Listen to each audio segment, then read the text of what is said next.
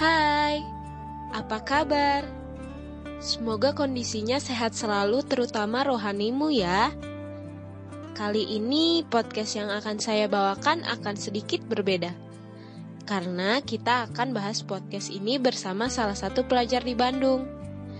Bersama saya Veronica dan Angelika di podcast Rohani. Oke Kak Angel, sebelum kita memulai podcastnya, kita kenalan dulu yuk asal kakak, sekolah kakak, atau hal-hal yang mau kakak perkenalkan di podcast ini. Hai, nama saya Angelika. Saya salah satu pelajar dari SMK Nusa Bakti. Saya berumur 16 tahun. Wah, masih muda juga ya ternyata. Nah, teman-teman, sebelum masuk podcastnya, aku mau nanya nih, kali ini apa sih yang kalian pikir dari judul podcastnya? Kenapa judulnya seperti itu ya?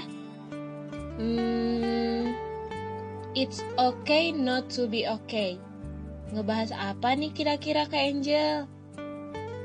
Hmm, mungkin berpura-pura untuk tetap baik-baik saja, walaupun keadaannya tidak baik. Ya, betul sekali. Untuk garis besarnya seperti itu ya. So, di It's Okay to be Not Okay podcast kali ini, kita bakal bahas bagaimana cara mengelola kondisi kita, baik di dalam hidup kita, dan membangun diri kita menjadi lebih baik. Dalam sharing ini, kita bakal dengerin nih kesaksian dari Kak Angel, bagaimana saja ya cara dia memotivasi dirinya di dalam keadaan tidak baik-baik saja. Oke, podcast kali ini kita akan membahas mengenai kesaksian dari Kak Angel. Bagaimana dia mengenal diri sendiri dan memahami serta memotivasi diri sendiri. Di podcast It's Okay to be Not Okay, simak baik-baik ya teman-teman. Langsung saja ya teman-teman, saya di sini akan sharing tentang mengaku pada diri sendiri atau menerima kelemahan diri sendiri. Terkadang kita tidak mau mengakui kita punya kelemahan, punya masalah, punya sesuatu yang sebenarnya kita mau mengakuinya. Akhirnya kita terus pendam hal-hal itu. Dan dampak yang saya alami ketika saya menutup diri untuk hal itu, saya jadi sulit berdoa kepada Tuhan. Membaca Alkitab pun saya susah. Dalam keadaan berdoa pun, saya merasa terasa hambar dan hanya formalitas. Dan akhirnya saya teringat dan membaca ayat Yesaya 55 ayat 6. Bunyinya, Carilah Tuhan selama ia berkenan ditemui. Berseluruhlah kepadanya selama ia dekat. Nah, dari ayat tadi apa sih yang teman-teman temuin? Kalau saya, saya jadi berpikir, adakah saat-saat Tuhan tidak mau ditemui? Padahal Tuhan selalu ada untuk saya sendiri dan untuk saudara sekalian. Ternyata setelah saya renungkan, kedekatan hubungan itu adalah soal jarak antara kita dengan Tuhan. Yang membuat jarak itu ternyata respon diri kita sendiri.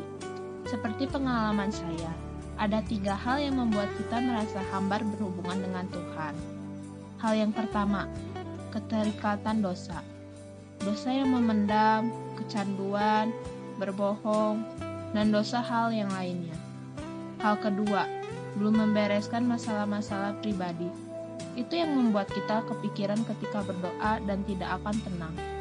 Seperti belum mau mengampuni, mengampuni berbicara mengenai sikap hati kita sendiri. Baiknya kita memulai mengampuni kelemahan-kelemahan kita sendiri. Mengampuni kesalahan kita, merasakan bahwa kita lemah. Gak apa-apa ketika kita gagal, akui itu dan ampunilah kesalahan diri kamu sendiri.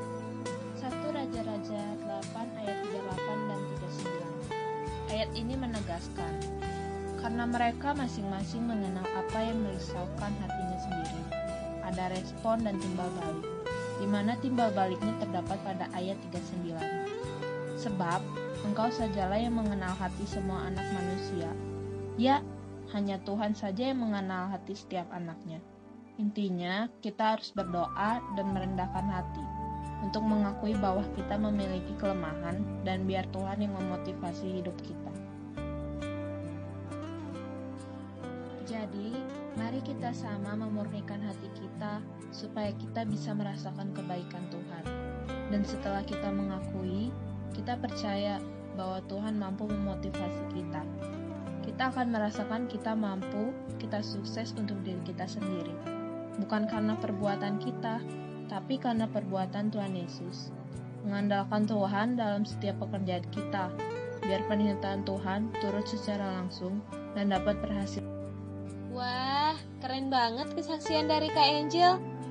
Benar teman-teman, mari kita sama-sama mengenal hati kita, memurnikan hati kita mengenai masalah dan kelemahan yang ada. Karena dari itu kita dapat merasakan hidup berkemenangan di dalam Tuhan, mengandalkan Tuhan dalam setiap pekerjaan kita, biar penyertaan Tuhan secara langsung turut dan dapat berhasil karena Tuhan. Sekian podcast It's Okay to Be Not Okay. Semoga kesaksian dari Kak Angel dapat memberkati teman-teman semua. God bless you.